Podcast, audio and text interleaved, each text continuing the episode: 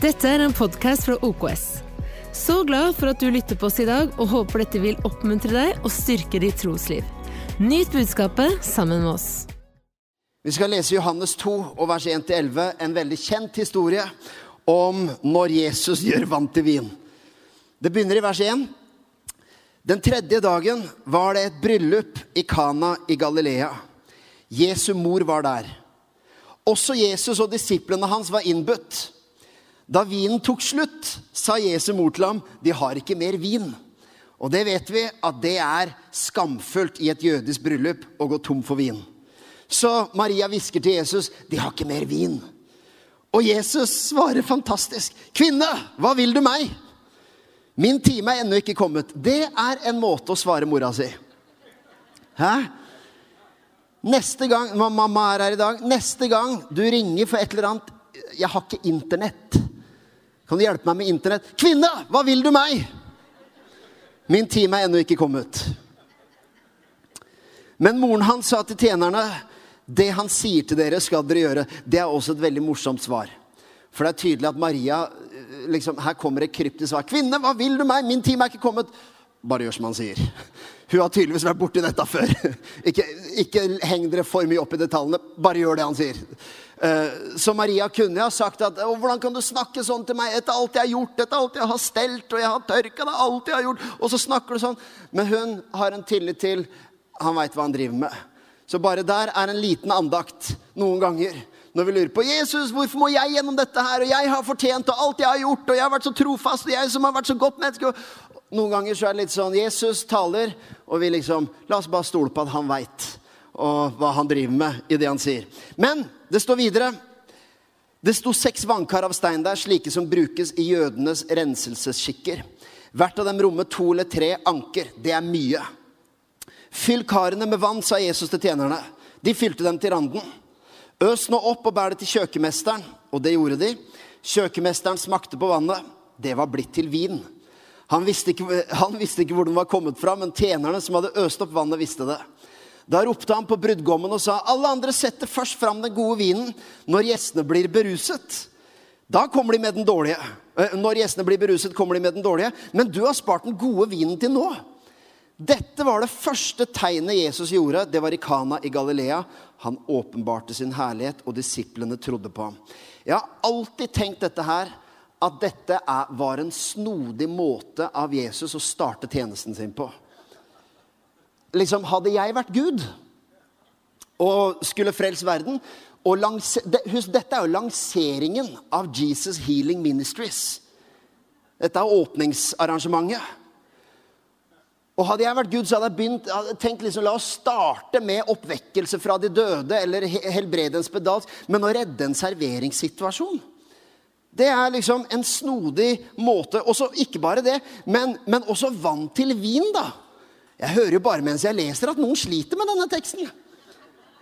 Jeg var på Sørlandet i sommer. eller vi har vært litt rundt omkring, var på sommerstevne og var i Philadelphia, Kristiansand annet. Og en på Sørlandet han, han sa det, han sa sånn her Ja, her på Sørlandet her gjør vi ikke vann til vin, men vi kan gjøre vin til vann. Da vet du du er i bibelbeltet. Men, men, det er jo liksom, og, og, alle skjønner at denne andakten i dag har ingenting å gjøre med ens standpunkt, avhold, måtehold osv. Men, men det er likevel noe Det er en spesiell måte som Jesus startet tjenesten sin på. Og jeg har faktisk tenkt noen ganger så jeg har tenkt at Jesus bare starta litt rolig. Det var en prolog som var litt sånn lite, sånn, lite forsmak. En sånn forrett. Så kommer det liksom mer etter hvert. Men vann til vin, greit nok, redde et bryllup, det er ok.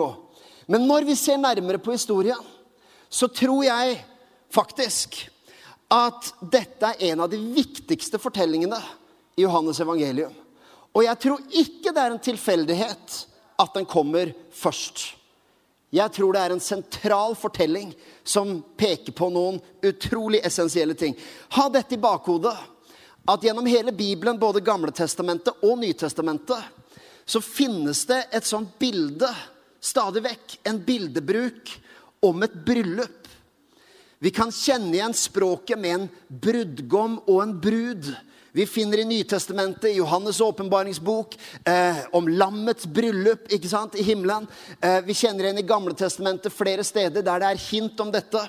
Og allerede i kapittelet etter, i Johannes 3, så er det sånn at Johannes døperen blir spurt av noen folk. Eh, og så sier de ja, Johannes, du, du hadde jo masse etterfølgere, men nå, nå går alle i kirka til Jesus. Er ikke det kjipt, liksom? Og så kaller han Jesus for brudgommen. Og alle de som følger Jesus, kaller han for bruden. Og så kaller han seg sjøl for brudgommens venn. Forlover. Selvutnevnt forlover. Eh, og, og, og finner det bildet allerede i kapitlet etterpå. Så det er noe mer enn bare tilfeldighet at det er et bryllup som Jesus lanserer hele greia si. Men dette svaret, da, 'Kvinne, hva vil du meg? Min time er ennå ikke kommet.' Det er jeg har, jeg har, stått og sett på den setningen, og jeg har lest bibelkommentarer. Og det er litt morsomt, for mange av bibelkommentarene de prøver, å, de prøver hardt å liksom forklare at eh, det kan høres litt hardt ut, det Jesus sier, men det er egentlig ikke så hardt. Kvinne kan også være en hedersbetegnelse, og som regel var det ikke det, men vi tror kanskje det kan ha vært det her. Men uansett hvordan du vrir og vender på det, det er et nebbete svar. Kan du hjelpe? Det, det er en vinsituasjon her. Hva? Kvinne! Hva vil du meg? Det, du kunne i hvert fall sagt mamma. Kvinne. Hva er det som gjør at Jesus tilsynelatende er så opprørt? Jeg tror at svaret finner man ved å spørre de som også er 30 år, single menn, i en annen person sitt bryllup. Jeg har ikke vært i den situasjonen, men jeg var 25 år og singel i en annen person sitt bryllup. Og jeg vet hva jeg tenkte på. Jeg skal straks si det. For, øh, Og denne personens bryllup, det var i 2005. Og jeg ble, til med, jeg var, ble spurt om å være toastmaster på den datoen Vålerenga spilte mot Odd i Skien og tok seriegull og brøt Rosenborgs 13 år lange seiersrekke. Jeg hadde billett i kampen. Takk skal du ha. Ja, jeg vil gladelig være toastmaster i bryllupet ditt. Vet Noen mennesker de sjekker ikke engang terminlista i Eliteserien før de setter sånne datoer. Jeg skjønner at ting kolliderer, men du må i hvert fall se spilleoppsettet før du skal gifte deg på akkurat sånne datoer.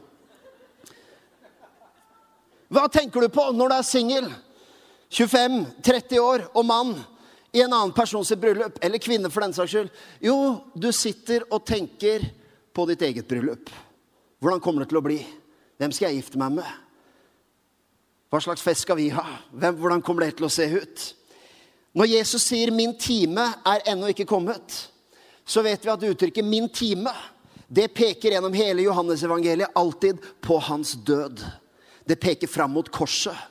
Så uansett hvordan du vil tolke historien Jesus sitter i et bryllup og tenker på sin død.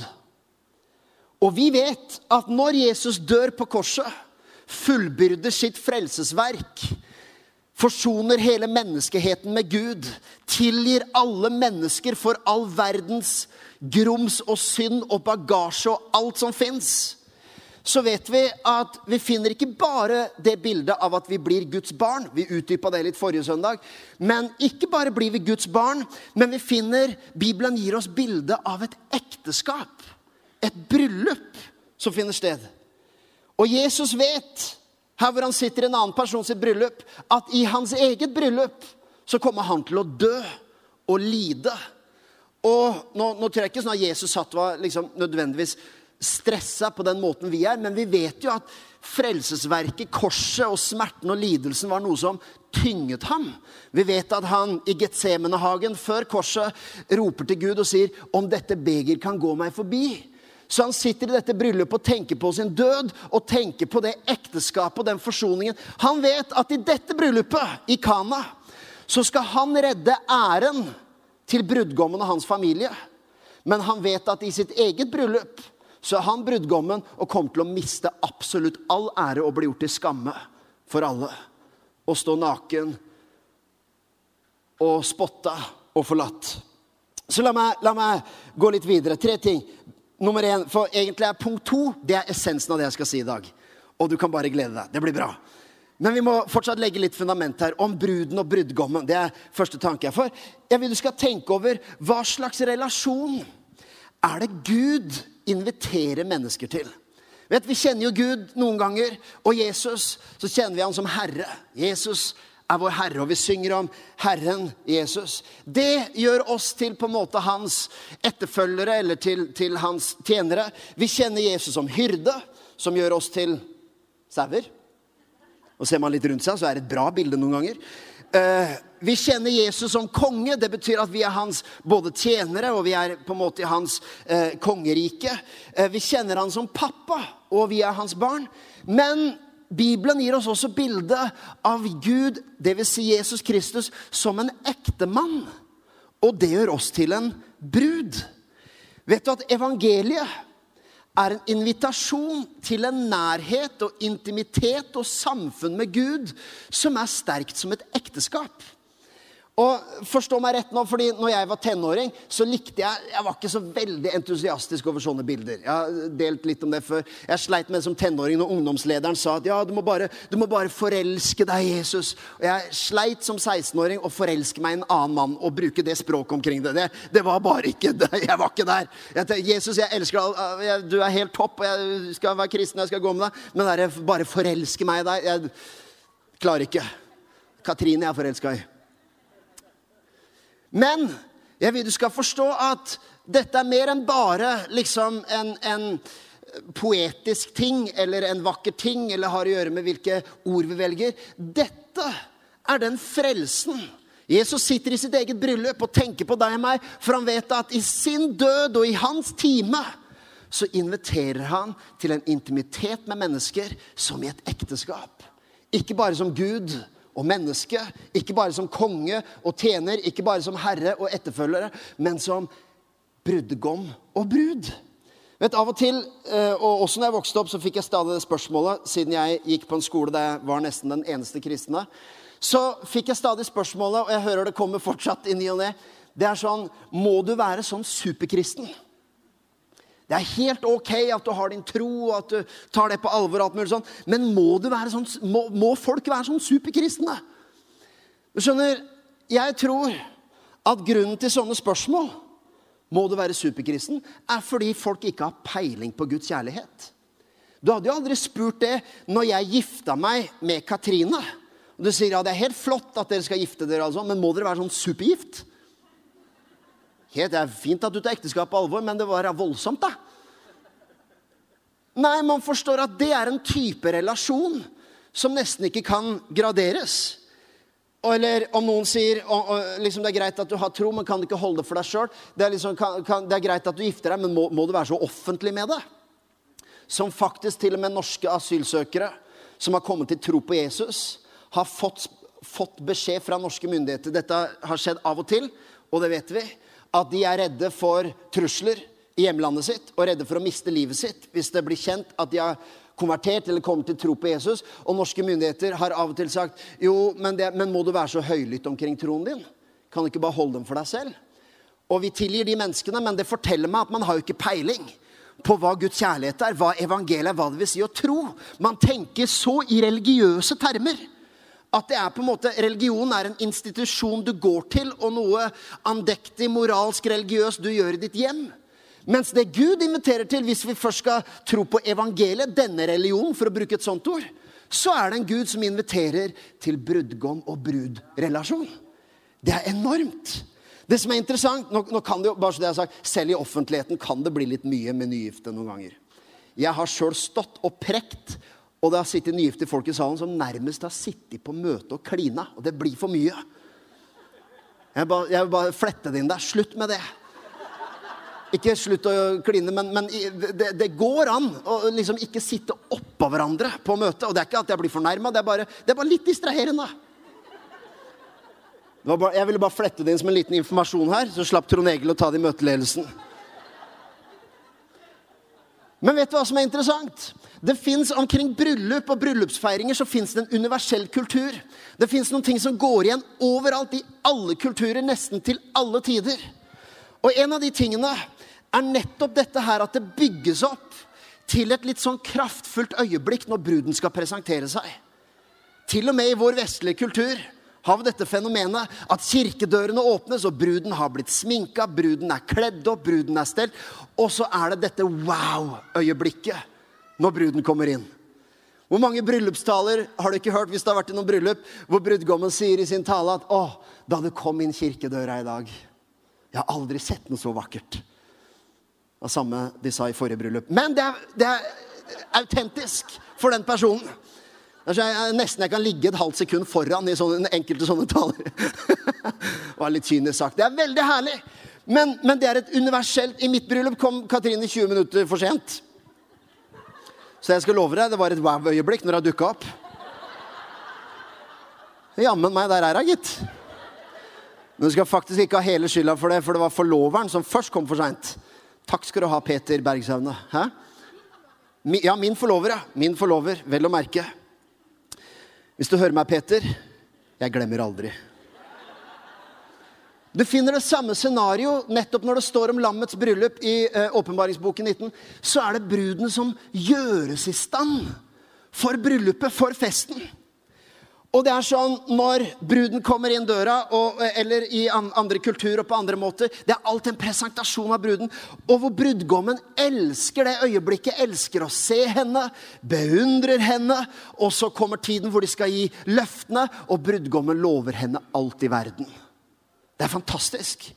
For den hengivenheten Det er ikke sånn at det bildet Gud gir oss av Jesus som brudgom og oss som brud, er en refleksjon av menneskelig bryllup. Det er menneskelig ekteskap som er en refleksjon av den kjærligheten Gud har. Han er originalen. Og jeg tror ikke det er tilfeldig at du kan kjenne igjen disse elementene over hele verden, i alle kulturer og i alle religioner. Du skjønner, Den hengivenheten, den beundringen, den villigheten til å si 'Jeg gir meg fullstendig til deg'. Det er den invitasjonen som Gud gir gjennom Jesus Kristus. Det er den hengivenheten brudgommen har til bruden, som er deg og meg. Dette står i Efesbrev 5, eh, vers 25-27. Dere menn, elsk konene deres, slik Kristus elsket kirken og ga seg selv for den. Ikke slik Kristus elsket kirken og skulle prøve å gi den en sjanse. Ikke Kristus elsket kirken, og vi prøver noen år og ser åssen det går, men holder bakdøra åpen. Nei, Kristus elsket kirken og ga seg selv. Lovet evig troskap. For å gjøre den hellig og rense den med badet i vann i kraft av et ord. Slik vil han føre Og her kommer det brudebildet igjen. Slik vil han selv føre kirken framfor seg i herlighet. Vi ser bildet av en brud ned midtgangen. Han fører kirken, dvs. Si de troende, framfor seg i herlighet uten den minste flekk eller rynke. Hellig og uten feil skulle den være. Jeg liker ordvalget 'uten flekk eller rynke' eller noe slikt, står det i en annen oversettelse. Det er ikke, det er ikke noen sjokolademerker på, på kinnet. Det er, det er, uten flekk eller rynke. Hvorfor det? Jo, fordi den er blitt renset. Den er blitt, bruden er blitt sminka opp. Ja, Hva har det med saken å gjøre? Jo, det er dette som skjer på korset. Hvor du og jeg For husk, når Jesus gjør vann til vin, så ber han spesifikt I vers 6 så står det desto seks vannkar, eh, seks vannkar slike som brukes i jødenes renselsesskikker. Jesus tenker på sitt eget bryllup. Og så ber han de ta sånne renselsesbeger som jødene brukte for å rense seg før de skulle inn i tempelet. Men Jesus han endrer hele det religiøse systemet. Det er ikke lenger mennesker som skal rense seg, og mennesker som skal dukke, og mennesker som skal bukke, og mennesker som skal knele, og mennesker som skal ta seg skoene. Det er Jesus sjøl som sørger for å fylle disse karene med vin. Som er et uttrykk for hans blod, som renser for all synd. Så Jesus renser kirken. Han bokstavelig talt sminker deg opp. Hva vil det si? Jo, det betyr at all din bagasje, all din skam, all din skyld, all din dårlige samvittighet, all din fordømmelse Når Jesus beundrer bruden, så har han med sitt eget blod renset bort all synd og hver flekk og hver rynke og hver Nugatti-flekk, sånn at han kan beundre en hellig, perfekt brud. Han elsker å se deg. Han beundrer deg. Ikke fordi vi er enestående, unike og fantastiske og moralske og religiøse og hvite, men fordi han sjøl sørget for å rense og tilgi med sitt eget blod som renser for all synd. I Efesbrev 5 så beskriver Jesus det som, eller Paulus beskriver i det som skjedde på korset. Han elsket kirken og ga seg selv for den. Det står ikke om, Jeg har av og til hørt den teksten, så er det sånn ja, Når Jesus kommer tilbake, da må han finne en ren brud. Nei, det har Jesus tatt hånd om sjøl. For det skjedde på korset. Men i Johannes 2 da står vi på den andre siden av tidslinjen, hvor Jesus tenker fremover mot korset. Min time er ennå ikke kommet. Men han tar disse renselseskarene og gjør det til vin. La meg da komme til punkt nummer to, som er essensen her. Vann til vin. Så Jesu første mirakel er å gjøre vann til vin. Det er interessant, for det er jo i utgangspunktet ikke noe galt med vann. Kunne ikke liksom i disse tider, da, kunne ikke Jesus brukt anledningen når de sier at nå er det tomt for vin? Kunne ikke Jesus brukt anledningen til å si noe sunt om moderasjon og selvbeherskelse? Og litt sånn, Det fins mange andre som ikke har råd til vin i sine bryllup. La oss være takknemlige for det vi hadde så lenge det varte. Og det er sant, Jesus utfordrer sikkert materialismen på andre, andre steder i evangeliene. Men det kunne jo Jesus ha sagt. At uh, her, jeg tenker på min time, og jeg skal dø for hele menneskeheten, og alt mulig, og dere er stressa fordi dere ikke har vin. Kunne han ikke sagt noe litt sånn politisk bra om liksom solidaritet med de som ikke har vin? Nei, vet du hva? Han gjør Han redder festen. Han gjør vann til vin. Jesus, vår frelser, han vi synger om, og han vi er her for, Hans første mirakel, hans lansering, var å redde partyet som var i ferd med å dø ut. Og når Jesus innstifter nattverden, så gir han dem Han bryter brødet, og så gir han et beger med vin. Hvorfor ikke vann? Hvorfor feirer vi ikke nattverd med brød og vann? Det åpenbare er selvfølgelig man tenker på Jesu blod, og at liksom vinen er rød, og det uttrykker hans blod, selvsagt. Men Tenk også over dette her, at verken i vår kultur eller på Bibelens tid så gir du ikke vin til en som sulter og tørster, eller en fattig tigger. Jesus hjalp stadig tiggere, og han hjalp mange med brød og vann. Han kalte seg selv livets brød. Og han gjorde et brødunder ute i ødemarkene når tusenvis av mennesker sulta. Så gjorde han et brødunder. Han ga vann til en kvinne ved brønnen fordi hun tørstet i livet sitt. Og det var mer enn bare fysisk vann. Det handla om en rastløs kvinne som trodde hun kunne finne tilfredsstillelse og fred og verdi og aksept i menn og gjennom seksuelle forhold. Så kommer Jesus og sier at jeg er en annen type vann, og jeg skal slukke din tørst, sånn at du, den som drikker av det vannet jeg vil gi ham, skal aldri evig tørste. Så det er ikke at Jesus ikke metter oss med brød eller slukker tørsten vår med vann, men hvorfor vin? Det er ikke noe du gir til en fattig eller til en som sulter eller en som tørster.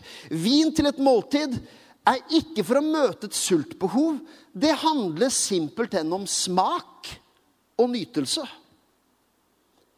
Og dette er ikke et innlegg for vin i vår moderne kultur, men i denne sammenheng så er vinen er jo, det er, den, det er ikke tørstslukkende, det er ikke for å mette den sultne, det er ikke for å hjelpe den fattige. Det handler simpelthen om å ha måltid, fellesskap, nytelse og glede. Det er hva det er til for. La oss nå lytte til hva Gud vil si oss gjennom dette. For det er ikke bare Johannes 2 og dette miraklet, men dette kan forandre måten du lever kristenlivet ditt på. For jeg skal komme med en påstand, og det er lov å bli provosert. Det er lov å gå. Da var det en som gikk. Han responderte kjapt, i hvert fall.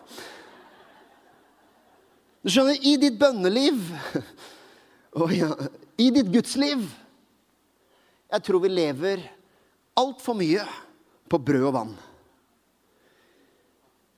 Vi tror på en Gud som velsigner barna, og det snakka vi om forrige søndag. så det er ikke noen motsetning. Vi snakka om å komme med frimodig tro framfor Gud, fordi Gud er en god far. Men Gud er ikke bare en god far som gir brød til barna. Han er en ektemann som vil at bruden skal sette seg ned til bords og nyte og smake og spise. Og egentlig ikke ha noe behovsliste. Brød er selvfølgelig, Når vi tar nattverden, så er brødet er forsørgningen. Det er, det, han er livets brød. Men vinen er fellesskap, måltid, glede og nytelse. Og jeg tror at i relasjonen til Gud, by the way, så er noe av det sunneste du og jeg kan ha i vårt kristenliv, det er at vi nyter å være med Gud. At vi finner den intimiteten og det fellesskapet. Dette koker nesten ned til hvorfor er du en kristen? Hvorfor, du, hvorfor tror du? Hvorfor ber du? Hvorfor er du på gudstjeneste i dag? Og det kan godt være mange her som, som ikke gjør det heller, og som ikke tror, og det er helt ok. Men la meg spørre hvorfor er du her i dag? Hvorfor går du i kirken? Utover det selvsagt opplagte svaret oss apologeter, Trond Eger, så er svaret er, jo, vi tror på evangeliet fordi det er sant. Det er én ting. Ikke, jo, men jeg følte Jesus på leir. Nei, men vi tror på evangeliet fordi det er sant. Fordi han døde og sto opp fra de døde. Du kan til og med mislike budskapet, men du må ta stilling til stemmer det, eller er det verdenshistoriens største løgn. Så vi tror på det fordi det er sant. Men her er det språket. Og ikke føl deg fordømt, for jeg, jeg er i samme kategori. Her er språket vi ofte bruker. Hvorfor tror du på Jesus? Hvorfor er du en kristen? Hvorfor, hvorfor går du i kirken? Hvorfor er du på gudstjeneste? Så tror jeg språket vårt er jo, fordi jeg trenger det. Det er en sunn vane. Jeg vil lære barna mine det. Det er en god tradisjon. Det er en sunn rytme. Jeg trenger åndelig påfyll. Alt det er sant, men det er bare brød og vann. Jeg har behov. Jeg trenger det. Og det er fint for meg. Nesten litt sånn moralsk. Jo, men jeg, jeg, jeg vet at jeg trenger det. Og det gjør vi jo. Helt klart. Så det er ikke noe galt med de svarene. Men vet du hva jeg tror? Vet du hvilket svar jeg tror brudgommen liker aller best? Jo, jeg kommer fordi jeg nyter. Jeg elsker å være med han. Elsker Guds nærvær. Elsker familien hans elsker å være med brudgommen. La meg ta det enda et knepp opp. I vårt kristenliv og vårt bønneliv og vårt åndsliv og i egentlig all samtale i kulturen vår omkring tro og Gud og, og kirke og sånne ting, så har vi altfor stor vekt på sunnhet. Det er mange som tenker fælt nå. Noen som satt og noterte, som slutta å notere. Da vet du at du er på pekene på i feil retning. Og så, ja, dette må jeg skrive. Nei, det skal jeg ikke skrive ned. Hør her.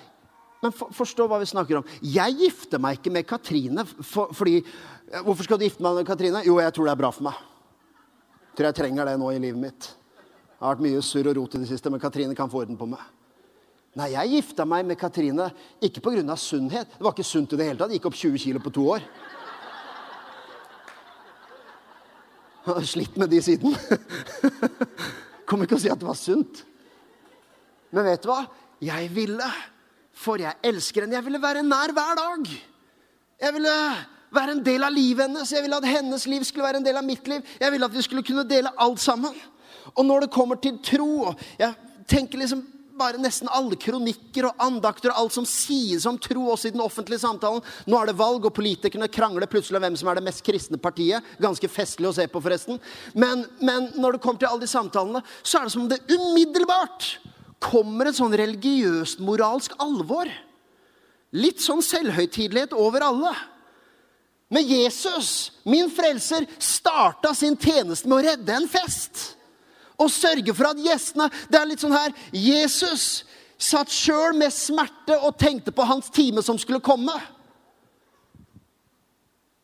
Sånn at gjestene i dette bryllupet Han var omgitt av fest og glede og omgitt av sang og dans og bryllup, mens han hadde smerte.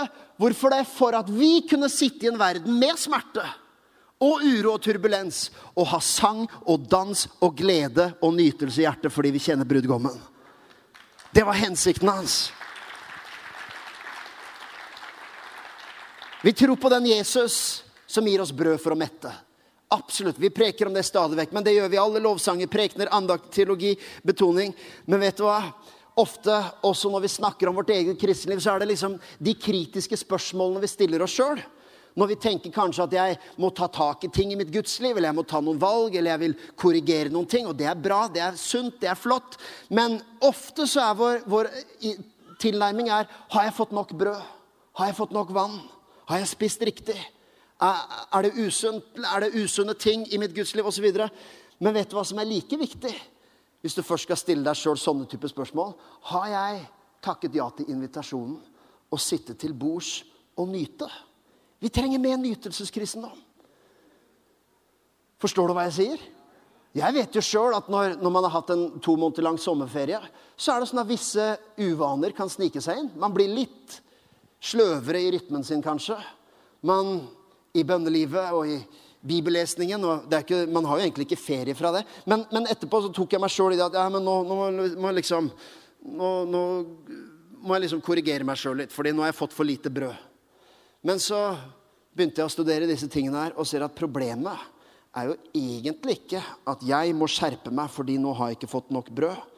Jeg må jo se, jeg må jo ha forventning til det Den hellige ånd inviterer meg til. Og forstå at jeg går jo ikke og leser Bibelen. Jeg vet at det ikke alltid er like lett, og noen ganger må man ta et litt valg, og man må ha litt rytme og rutineting. Tommel opp 100% for det. Men samtidig, når det er drivkraften, og brød og vann er drivkraften, så mister vi intimiteten i et ekteskap. Hvor nei, jeg går ikke på date med kona mi fordi at eh, ja, jeg burde gjøre det, og det er sunt for meg. Jeg vil! Og det, den, det fins ikke noe mer, noen sterkere form for kjærlighet eller noen kjærlighet som har mer substans enn at jeg vil fordi jeg elsker å være med henne. Og jeg elsker å være med ham. Vet du hva det står? Det står i Nehemia at gleden i Herren er vår styrke. Gleden i Gud er vår styrke. Gleden! i å være med Gud, være en kristen, kjenne Gud, det er ikke bare en parentes, det er et mektig våpen. Kanskje det mektigste våpenet du har. Jeg tør nesten våge å påstå at uansett hvor turbulent min verden blir uansett, Og jeg, jeg prøver ikke her å si at kristenlivet bare er vin og sang og dans. Det er klart at vi også som kristne ledere så står man i fighter noen ganger. Det er ting som kan bekymre en, det er ting som tynger en om natta. Men dette var jeg oppdaga. Det første fienden vil prøve å frastjele deg, det er gleden din. Og hvis han lykkes med det, så er plutselig forsvaret vidåpent. Det er som disse soldatene i Afghanistan, som bare la, uh, Taliban trengte ikke å krige engang. De bare resignerte. Sånn er det hvis gleden din forsvinner. Da er det ikke mye igjen. Da er det bare din moral og din selvrettferdighet. og jeg skal, jeg skal jobbe for det. Men hvis vi setter opp en mur og et vern og bruker Guds fulle rustning til å beskytte vår glede i livet med Gud, ja, da er vi uangripelige. Da er det ingenting som kan vippe meg av pinnen hvis ingenting får nå inn til min glede. Og jeg har sett det gang på gang når mennesker er frakobla i sitt gudsliv, frakobla litt også i kirken, frakobla det ene og det andre. Det første som forsvinner, er glimt i øyet, smilet, latteren, gnisten og humoren. Første som blir borte. Derfor vil jeg, uansett hva som skjer i mine omstendigheter Når det står 'gleden i Herren er min styrke', så må jo det være at det er den gleden jeg trenger nettopp når det er urolig. For det er jo greit å si, Hvis gleden, gleden i Herren var liksom for fredfulle tider, så er det greit. Nei, det er et, en festning, det er et vern, det er en beskyttelse. Og jeg tror at dette for oss kristne ledere, og mange andre kristne ledere som også er her, og egentlig alle, men spesielt kristne ledere, så er selvhøytidelighet i Guds rike er veldig uegna. Passer veldig dårlig. For det, det, det, er som når vi blir veldig selvhøytidelige omkring vår rolle og vår posisjon. og jeg, kan jeg få lov å si der, av og til når man møter på litt slitne pastorer og Det kan være mange grunner til det. Men én ting som jeg vet tar krefter, det er når du tar din egen rolle veldig høytidelig. Det koster krefter. Hvis du tjener Gud og føler at jeg virkelig ofrer så mye, og jeg er fantastisk, og jeg dedikerer meg, og det er vanvittig hvor mye jeg investerer for folket, og hyrden gir seg selv for sauene osv. Hvis det er ditt språk hele veien, så blir du kjempesliten. Men hvis du forstår at vet du hva, det er en glede å få være med brudgommen og få til og med tjene hans agenda. Jo visst er det noen utfordringer, og visst er det noen greier, men det er nettopp derfor gleden i Herren er min styrke. Og derfor er mitt ansvar ikke bare å nå må jeg passe på å spise brød, nå må jeg passe på at jeg liksom henter vann hos Jesus. Det er mitt ansvar å beskytte min glede. Spesielt som leder. Jo, men det er vel en åndelig form for glede. Det er vel en indre glede. Må ikke være så utapå. Jo, den er konkret og praktisk også. For det er interessant jeg skal ikke utdype det nå, men det er interessant at hva var det fariseerne, En av tingene fariseerne kritiserte Jesus og disiplene for, vet du hva det var? At de ikke var asketiske nok. Fariseerne kom og spurte Jesus hvorfor faster ikke disiplene dine. De burde faste. Se på oss. Og så sier Jesus interessant nok er det han sier for noe? Brudgommens venner faster ikke når brudgommen er hos dem. En dag skal brudgommen tas fra dem. Da snakker han om den perioden hvor, hvor Jesus eh, dør og er borte fra dem. Da skal de faste. Men han sier når brudgommen er hos dem, nei, da, da er det fest. Det er mye å si om akkurat det, men er det ikke litt interessant, da? At de anklager Jesus og disiplene, for de syns ikke at det er, det er ikke radikalt nok. De er ikke asketiske nok, de er ikke, de er ikke alvorlige nok, tror jeg egentlig de mener å si. Dere er ikke strenge nok. Dere har ikke nok rynke i panna. Hør her, selvsagt er det et alvor over ting i livet. Men Vet du hva som er mest alvorlig? Det er å miste gleden i ditt gudsliv. Det er alvorlig, det. Å miste vinen og tro at ditt gudsliv er på brød og vann og har mista nytelsen og gleden. For til syvende og sist, over tid, så vil du ende opp i en situasjon der du blir selvsentrert, og det blir dine gjerninger og din selvoppofrelse og din dedikasjon og din disiplin. og din, det, det, kommer til å ende tilbake med hva alt jeg har ofret, og alt jeg har gitt, og hvor trofast jeg har vært, og hvor flink jeg har vært, og hvor god jeg har vært på å gi troen min til ungene mine, og hvor, hvor dyktig vi har vært, og vi tar det på alvor, og vi har til og med gjort leksene fra søndagsskolen på OKS Kids. og vi har på et eller annet tidspunkt så kommer blikket ditt til å havne på alt du har gjort, og det tar pusten fra deg. Vet du hva som ikke tar pusten fra deg? Det er å beundre brudgommen og vite hva han har å servere. Og vet du hva som kjennetegner alle måltider i Bibelen? Ok, Beklager herlighetsteologien på slutten her. Eller ikke beklager. Men vet du hva som Dette er ikke meg, dette er bare teologisk tolkning av summen av alle måltider som blir beskrevet i Bibelen er ikke ett måltid uten overflod. Du kan like det eller ikke like det. tenke deg unå... Jo, men verden lider. Jo, vi snakka litt om det forrige gang, hvordan vi skal forholde oss til de tingene. Men én ting er sikkert. Det er at der hvor Gud har dekket et bord, så er det alltid mer enn nok. Når han gjør brødhundre så er det en masse kurver med brød og fisk. I dette, hvor mange To eller tre anker med Jeg eh, husker ikke hvor mange liter. Dette 1500 liter vin eller et eller annet sånt. Jeg, skal, jeg håper det var noe igjen etter den festen. Eller ligger den der ennå? Det er mer enn nok. Vi må ha litt forventning til måltidet. Jeg skal, jeg skal runde av nå, jeg skal avslutte. Men, men det fins helt til slutt Det fins en annen Ja, Det er også bare en parentes. Det er nydelig med denne historien. Apropos det vi snakka om forrige søndag, store bønner. Er det ikke nydelig også at i et ekteskap så handler det ikke bare om de store, mektige bønnene og bekjennelsene. Det handler om små ting som Jesus. Jeg har et serveringsproblem. Det er nydelig. Vi snakket om store bønner forrige søndag. Men i et ekteskap er det altså rom for små bønner. Det er ikke sånn hvis Katrine spør meg kan du, eh, vi får gjester etterpå, kan du hjelpe meg å støvsuge gangen. Så sier jeg nei, jeg kan sørge for finansiering av bolig. Jeg kan sørge for representasjon utad. Jeg kan involvere meg i større kontrakter og transaksjoner som angår kjøp av bil, hus, båt, hytte og PlayStation.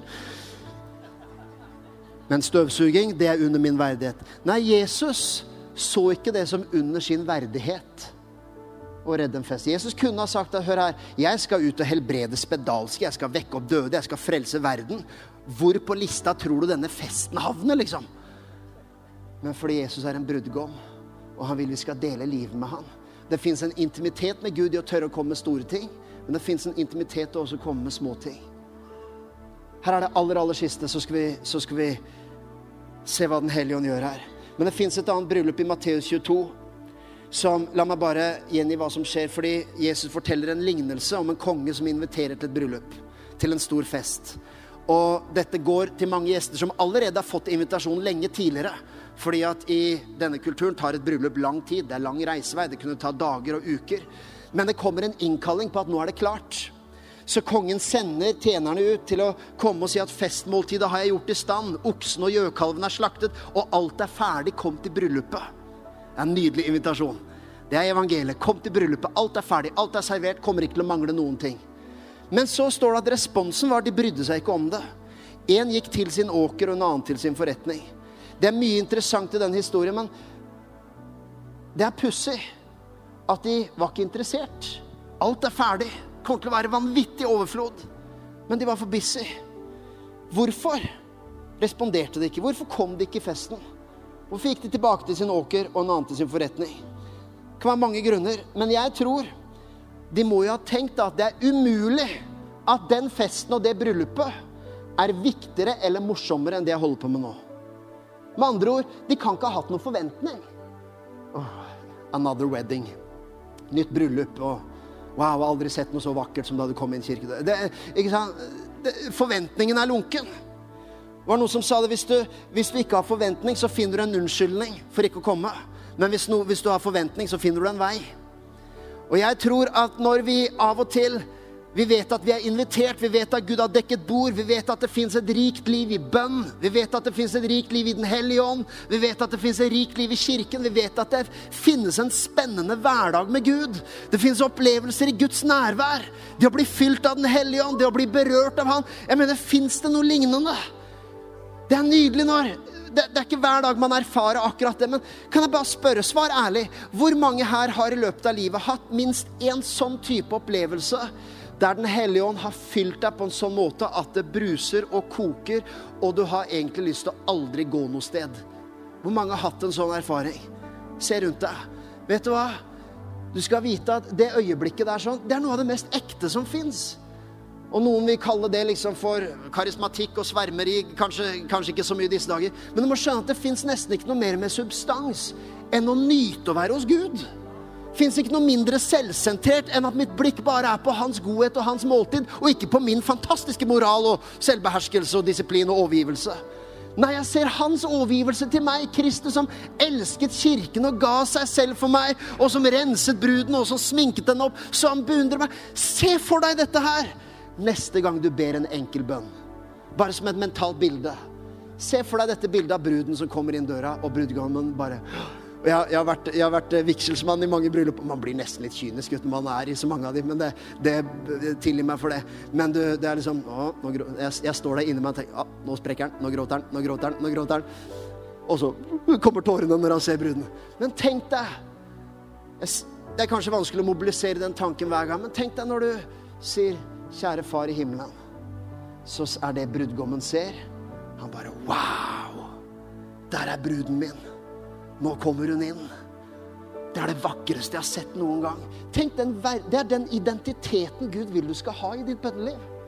Ikke komme 'beklager, Gud, jeg veit at du er sur på meg for i går'. Jeg vet at jeg... Har du bedt sånne bønner her noen gang? Gud, jeg veit det er lenge siden sist. Ikke kom Det er greit å være ærlig og åpen med Gud, men må, i hjertet ditt så må du vite at identiteten er heller av brudgommen ser 'Wow, det er det beste jeg har sett'. Du er så vakker. Du er rensa, du er hellig, du er tilgitt, du er ren, du er elska. Du skjønner, Det er ikke lenger bønnelivet en, en plikt eller en lekse. Men jeg tror Nå skal jeg skru av iPaden min. Jeg tror at disse som takket nei til invitasjonen, simpelthen hadde for lave forventninger. De visste ikke hva det var. Det, det jeg holder på med nå, må være, kan umulig være bedre. Det som skjer i den festen, kan umulig være viktigere. Men i dag så ønsker jeg å invitere deg som både deg som ikke tror, til å ta imot invitasjonen, for det er bokstavelig talt en invitasjon som går ut. I noen illustrasjoner, sånn som i den lignelsen, så er vi gjester i bryllupet. Mens i den illustrasjonen vi har snakket om i dag, så er vi bruden. Men det som er felles for deg, er at det er en invitasjon. Og du må kjenne igjen Den hellige ånds invitasjon. Jo, men jeg kan ta imot Gud når som helst. Jo, det kan du, men det er noe med en bryllupsinvitasjon også som er litt konkret. Som er litt sånn Lørdag! 5. oktober klokka tolv skjer det. Jeg mener ikke å si at Den hellige ånd er begrensa til et tidsrom, men, men, du må kjenne den også når Den hellige ånd drar på hjertet og sier jeg, 'Jeg vil ha deg'. Si ja. Takk ja. Det er som hvis du får en bryllupsinvitasjon og så sier nei, du, jeg kan ikke komme lørdag 5., men jeg kan søndag 6. Kan jeg stikke innom en tur? Hvor skal dere bo hen? Det er noe med å som sagt, eh, døra hos Gud er alltid åpen, men det er noe med å kjenne igjen at Den hellige ånd sier, 'Kom, nå er innkallingen.' Nå er innkallingen. Takk, ja. Jeg vil ha deg til bords, jeg vil ha deg til festen. Så det går en invitasjon til deg som ikke tror, men det går også en invitasjon til deg som lever på brød og vann i ditt kristne liv. Skal vi lukke øynene et øyeblikk? Jeg vet at jeg snakker til noen som har Det kan være mange årsaker, men gleden har forsvunnet litt. Og du merker at jo mer gleden forsvinner, jo mer selvsentrert blir også din tro. Eller jo dårligere samvittighet får du på at ja, jeg burde, og jeg skulle, og jeg kunne. Og så er det kanskje noen mennesker som distraherer deg, og det er ting som provoserer deg, og det er ting som Du skjønner, midt oppi det også må du Du må noen ganger hvile litt i at i den festen Jesus inviterer til, der er det mye rare folk. Det står det i den invitasjonen vi leste i Matteus 22, så står det at når disse takket nei, så, så sendte kongen tjenerne ut for å hente inn gode og onde. Welcome to church. Han gikk ut for å hente inn gode og onde for å komme til festen. Og så ble de kledd opp i bryllupsklær når de kom, for de kom rett fra gata. Og de kom ikke i fillene sine. Nei, kongen sørga for klær til alle.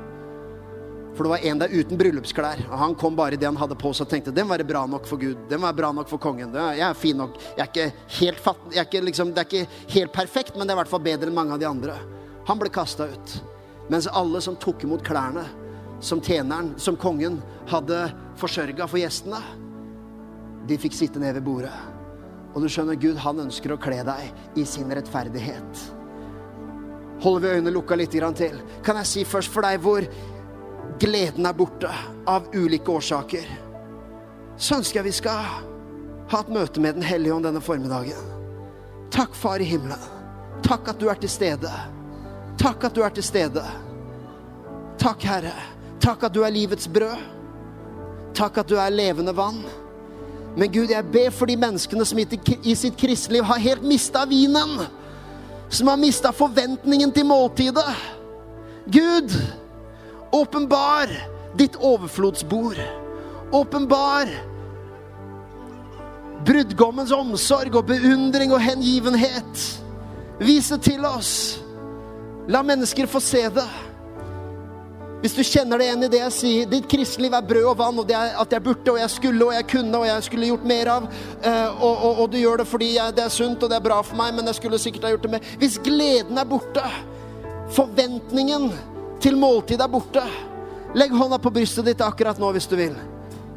Så ber vi Hellige Ånd, kom! Fyll opp! Betjen! Kom, Hellige Ånd! Blås med din mektige vind! Berør på dypet! Vis måltidet! Vis brudgommens hengivenhet! Som sier jeg, 'Jeg ga meg selv for deg, du er velkommen'. Det er ikke en utilgjengelig Gud, og så skal vi mennesker prøve å klatre opp til han. Det er en tilgjengelig Gud. Det er, de, det er vi mennesker som er litt utilgjengelige noen ganger. Men han sier velkommen. Å, Hellige Ånd, fyll opp i Jesu navn. Fyll opp, fyll opp, fyll opp. Takk, Herre. Takk for at du tok deg tid til å lytte på en av våre podcaster fra OKS. Vår visjon er å bringe Jesus til mennesker i vår verden, og mennesker i vår verden til Jesus. Følg oss ellers på vår YouTube-kanal og sosiale medier. Du er velkommen til å besøke en av våre kirker. For mer informasjon, sjekk ut oks.no.